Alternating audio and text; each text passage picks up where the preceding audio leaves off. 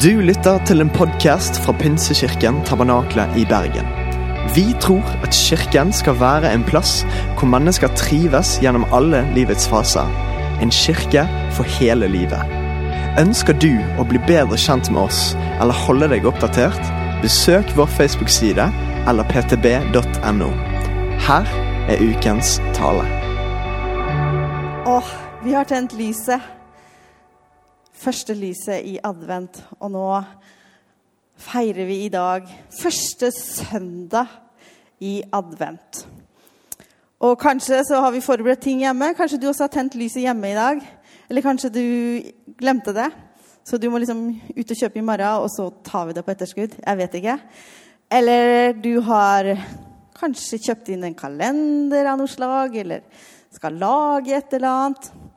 Det er gjerne sånn som flere av oss bruker å gjøre til advent. Jeg vet ikke åssen det er med deg, men jeg syns liksom advent alltid kommer sånn overraskende på. Fordi november er så lang. Og så liksom skyver jeg alle disse tinga framover lenge, lenge, lenge. Og så plutselig så er første søndag i advent der, og da skjønner jeg ok, det er snart jul. Og da liksom må jeg også sette i gang. Så det skjer egentlig hvert år, litt sånn med meg. Men eh, jeg skal nå komme i mål, da. Det gjør man jo alltid på en eller annen måte. Eh, og det er jo kanskje ikke akkurat det aller viktigste heller. Men advent, hva er det? Eh, ordet er egentlig en forkortelse fra noe veldig fint latinsk som heter adventus domini. Og det betyr 'Herrens komme'. Og man brukte det uttrykket i romersk tid når det var like før en veldig betydningsfull person skulle komme til byen eller på stedet. Da brukte man ordet 'adventus domini'. Og så er det lenge, lenge siden man egentlig begynte å markere advent. Allerede helt tilbake fra 567, år 567 så kan man finne skriftlig altså en litteratur hvor det står skrevet om advent. Så, og så ble det satt til at det skulle være fire søndager før jul. Og i den katolske kirke så var det noe som prega den tiden, og det var fastetid. Man skulle faste mandag, onsdag og fredag. Protestantene tok ikke med seg den tradisjonen videre. Men allikevel så var det liksom sånn at der, før jul, disse ukene før jul så skulle man leve sparsomt. Det skulle være litt mindre mat, det skulle være ja, litt sånn enkelt. Så man skulle sette ekstra stor pris på det man fikk til jul. Akkurat den tradisjonen vet jeg ikke helt om vi har greid å føre videre. Hæ? Nei. Så fort eh, julematen kommer i butikken, så er det veldig fristende å begynne å smake. Men eh, noen av oss prøver jo liksom i hvert fall ikke ta helt av, da. Fordi da er det jo liksom sånn som å ta jula på forskudd. Og det er jo kanskje heller ikke det, det beste. Andre skikker som vi har i dag, kom seinere, sånn som kalendere, kranser, eh, adventslys. 1800-1900-tallet, men ganske lenge siden egentlig, så begynte disse tradisjonene. Og egentlig så er vel kanskje lys noe som har fått en spesiell rolle i adventstiden. Og det er jo egentlig en veldig fin symbolikk. Man tenner ett og ett lys hver søndag, og så blir det liksom mer og mer lys helt til vi ender opp med å feire selve lyset, som er Jesus. Og jeg tror jo at nå i dag så er det jo liksom helt vanlig at man feirer advent i alle hjem, egentlig. Tidligere så var det bare kirken som feira advent. Men nå har på en måte hele, i hvert fall størsteparten av Norge tatt liksom advent inn i stua og tenner lys og teller seg fram til jul. Nå tror jeg at de fleste og veldig mange gjør det bare fordi det er en koselig tradisjon, og tenker ikke så veldig mye over det. Men allikevel, det er noe som er godt forankra i de norske tradisjonene, dette med advent. Men advent, det er håp. Og advent er noe som vi ser fram mot. Det er noe som skal komme. Og vi kan gå veldig veldig langt tilbake, helt til første Mosebok. Adam og Eva. Før de ble kasta ut av Edens hage, eller ble vist bort, så fikk de en profeti. Og vi kan lese om den i første Mosebok 3, 15. Og jeg vil sette fiendskap mellom deg og kvinnen, mellom din ett og hennes ett. Han skal knuse ditt hode, og du skal knuse hans hæl. Det her var den første profetien om Jesus. Og håpet ble tent allerede der. Og videre i Gamle Testamentet så gir Gud gjennom profetene ledetråder og forutsier det som skal komme. Israelsfolket venta på en frelser. Og egentlig så var mange av profetiene ganske nøyaktige om hvor og hvordan. Og ved å lese disse profetiene og holde de i hevd, så hadde de et håp om det som skulle skje lenger fram. De levde i advent. Og så kan vi gå mange tusen år senere. Og da møter vi Simeon og Anna i tempelet. De også levde i håpet om en frelser som skulle komme. Og Simeon visste at det var ikke lenge igjen, fordi Gud og Den hellige ånd hadde vist ham at, og gitt ham et løfte om at han skulle få leve til han skulle få se det underet som Gud skulle sende. Vi skal lese den, eh, det som skjer der. Og vi kan gå inn i Lukas 2 og lese sammen fra vers 25. I Jerusalem bodde det en mann som het Simeon.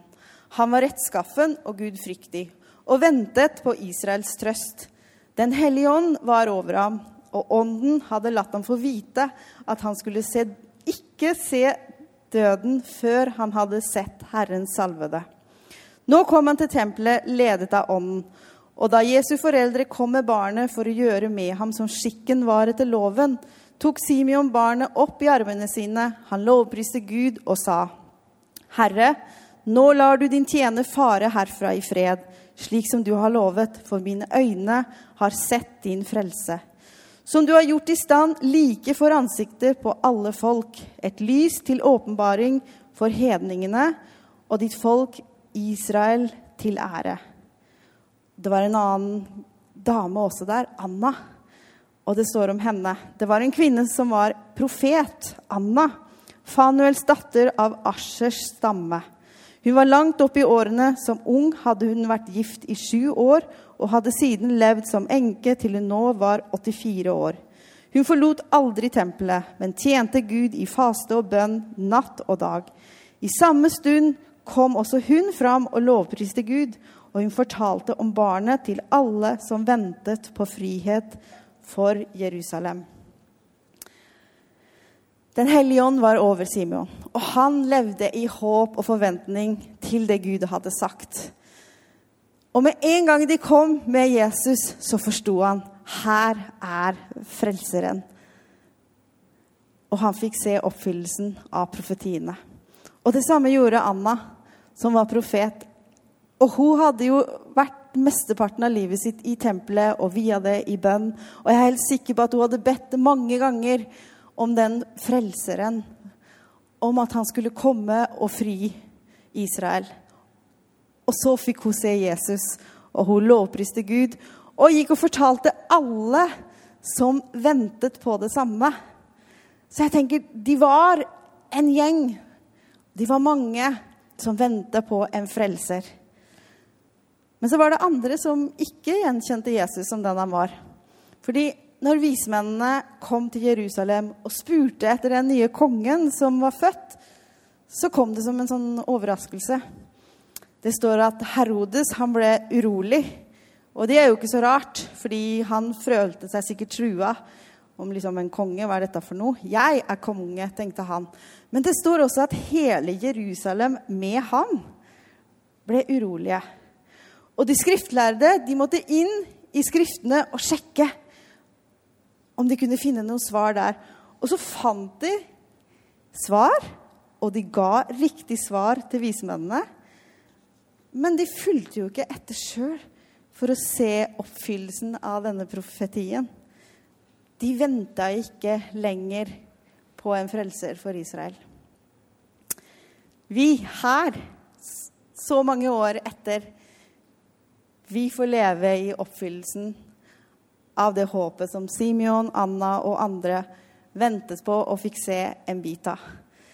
Det som de venter på, har jo vi fått oppleve. At Jesus kom, han ga sitt liv for alle mennesker, og der er vi inkludert. Og det står så fint i Johannes 1. Vi kan lese sammen fra vers 9. Det sanne lys som lyser for hvert menneske, kom nå til verden. Han var i verden, og verden er blitt kjent til ved ham. Men verden kjente ham ikke.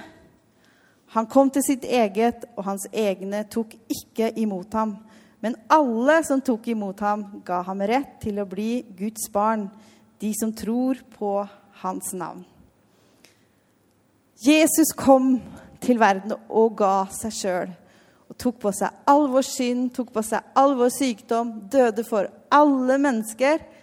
Og så reiste Gud han opp fra de døde. Og nå sitter han sammen med Gud på hans høyre side, står det. Og så har han sendt oss Den hellige ånd, som bor i oss, som går med oss, og som er med oss. Og vi kan få leve i den oppfyllelsen som de venta på gjennom mange, mange år. Men når Jesus gikk her nede, så snakka han om et annet komme. Jesus skal komme igjen. Det håpet lever vi i. Og det er vårt advent. Og det er også mange profetier, både i Gamle testamentet, Nytestamentet, om hvordan det skal bli. Og samtidig så er det masse vi ikke vet. Vi vet ikke når. Men vi kan forstå litt ut fra tida vi lever i, at Jesus kommer snart. Jesus fortalte disiplene sine hvordan de siste tider skulle bli. Og vi kan lese om det i evangeliene. Og han oppmuntra dem og sa at han skal komme igjen. Og vi skal lese sammen den siste samtalen han hadde med disiplene før han dro til himmelen. Og Den finner vi i Apostlenes gjerninger 1 og fra vers 6. Mens de var sammen, spurte de ham, 'Herre, er tiden nå kommet da du vil gjenreise riket for Israel?' Han svarte, det er, ikke, 'Det er ikke dere gitt å kjenne tider og stunder som Faderen har fastsatt sitt komme.' Men dere skal få kraft når Den hellige ånd kommer over dere, og dere skal være mine vitner i Jerusalem og hele Judea, i Samaria og helt til jordens ende. Og da han hadde sagt dette, ble han løftet opp mens de så på, og en sky tok han bort foran øynene deres. Som de nå stirret mot himmelen mens han dro bort, sto med to menn i hvite klær foran dem og sa, Galileere, hvorfor står dere her og ser mot himmelen? Denne Jesus som ble tatt bort fra dere, opp til himmelen, han skal komme igjen på samme måte som dere har sett ham fare opp til himmelen. Også mange andre steder i evangeliene kan vi, for, kan vi lese om nettopp det her. Jesus skal komme igjen. Og Paulus han skriver også flere steder i sine brever om dette. Og vi skal ta med oss verset nei, fra 1. Tessalonikerne 4, 17 og 18. Deretter skal vi som er igjen og ennå lever, bli rykket bort sammen med dem i skyene for å møte Herren i luften. Og så skal vi være sammen med Herren for alltid. Trøst og sett mot i hverandre med disse ordene. Det er vårt håp. Det er vår trøst. Det er det vi vet som ligger der framme for oss. Jesus skal komme igjen, og vi skal få være sammen med ham for alltid. Og Gud oppfordrer oss til å leve i det håpet og vente på at Jesus skal komme igjen. Vi blir oppfordra til å være våkne, holde fast i troen og leve tett på Jesus. Det er det beste som vi kan gjøre Akkurat sånn som Simeon og Anna, som ventet i forventning og håp på det Gud hadde sagt. David er en annen mann fra Gamle Testamentet. Og han var en mann etter Guds hjerte. Og i flere av sine salmer så skriver han om hvordan han venter med håp på Herren. Jeg syns det står så fint i Salme 71, fra vers 14. Men jeg vil alltid vente med håp. Og jeg vil legge min lovsang til all lovsang du får. Min munn skal fortelle om din rettferd, dagen lang om din frelse, enda dine gjerninger ikke kan telles. Jeg vil tale om Herren, Guds storverk, forkynne din rettferd, bare din. Gud, fra jeg var ung, har, lært, har du lært meg opp. Jeg forteller fortsatt om dine under. Gud, forlat meg ikke, selv når jeg blir gammel og grå. La meg tale om din kraft til hele den slekten som kommer. Her er vi med alle sammen. Fra vi er unge og helt til vi er grå i håret. Skal vi vente med håp, sånn som David gjorde, og også forkynne hans rettferdighet og alt det han har gjort. Jeg syns at adventstiden er virkelig en unik mulighet til å ha en tid med fellesskap. Vi samles mange til pepperkakebaking, julegrantenning, julefester og avslutninger. Og det gir oss en mulighet til å ta med oss Jesus i hverdagen, ut der hvor vi er på alle disse samlingene. Vi vet jo også at advent og jul har blitt skikkelig kommersielt. Det er bare for mye. Masse gaver på fokus på gaver og pynt og overalt. Men allikevel, da. Overalt hvor vi er, til og med du går i butikken, så kan du høre 'O helga natt'. Altså, du, du, du, du går rundt, og Jesus ble født i en stall. Altså, Rundt omkring i samfunnet vårt så blir vi minnet hele tida på Jesus, han kom. Og alle går på konserter. Jeg husker jeg har vært på noen av de konsertene, og jeg har tenkt bare nå skulle vi bare hatt en innbydelse til frelse. Altså, julebudskapet går ut. Og mitt håp er liksom at det skal få bevege mennesker. Og jeg tror også at hvis vi er våkne, så vil Gud lede oss inn i mange gode og viktige samtaler. Fordi vi er satt til lys, til å være lys. Og også hjemme, når vi har disse stundene og tenner lys og kanskje gjør adventssysler, så kan vi bestemme oss for at Jesus skal også være midtpunkt, midt i det. Er vi glade og takknemlige og koser oss og elsker alle disse adventsaktivitetene, så ta Gud med på det. Fordi han bare fryder seg når vi er glad, når vi har det bra. Og syns du at advent og jul er det verste som fins? For det er noen som faktisk ikke liker jul så veldig godt. Og de kan ha grunner til det. Det kan være ting som har skjedd. Det kan være ting som gjør at denne tida egentlig bare er problematisk. Så husk at mesteparten av det er bare stæsj. Det er bare stæsj rundt. Det er ikke så viktig egentlig. Det viktige er at Jesus kom til oss, og at vi har blitt frelst ved ham. Og det kan vi alltid glede oss over, uansett. Du har det aller viktigste. Uansett om du skulle synes at denne tida også er vanskelig, så er Gud nær. Han går sammen med deg, og du har det viktigste i livet.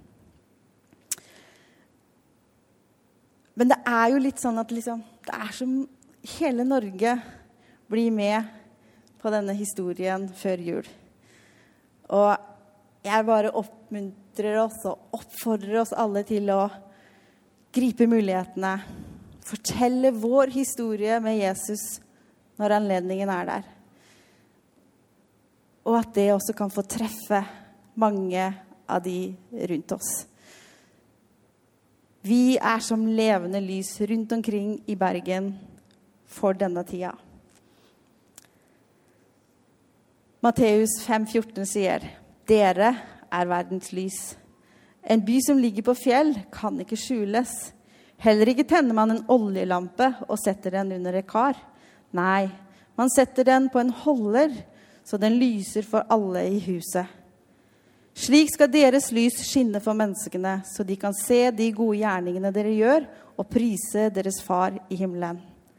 Så la oss ikke gjemme oss under en bøtte, men lyse opp i mørket der hvor vi er. Akkurat som den vi er. Som jeg nevnte litt, så er du kanskje i en situasjon i livet hvor du også venter på Gud. Du venter på at han skal gripe inn på en spesiell måte.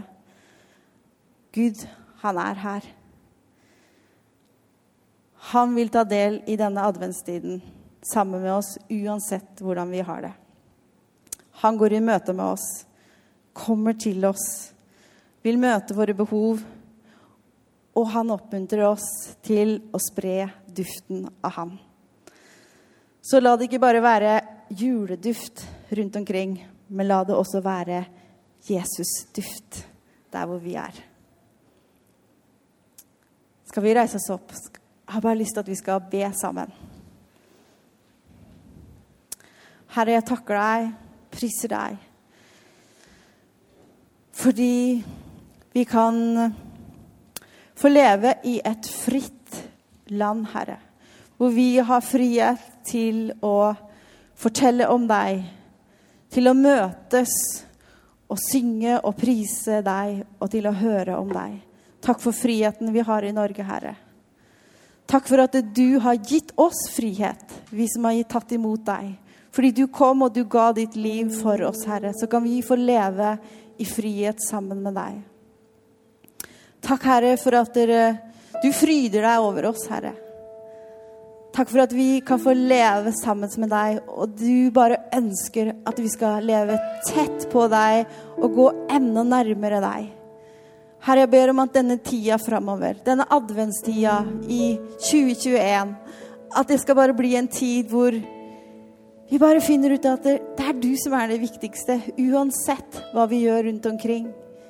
Du er den viktigste i våre liv, Herre. Berør oss, Herre. Vi trenger deg. Vi trenger mer av deg, og vi trenger mer, deg mer enn noe annet. Vær med hver enkelt i denne salen, Herre. Der hvor de er i livet sitt, Herre. Og la de bare få kjenne trøst og glede. Ikke bare i alt mulig rundt omkring som skjer i denne tida, men mest av alt i deg, Herre. Vi vil prise deg og ære deg og løfte deg opp og takke deg, Herre, for at du kom. Og at vi kan få leve sammen med deg. Og også for at du skal komme igjen. Og at vi skal få være sammen med deg for alltid. Amen.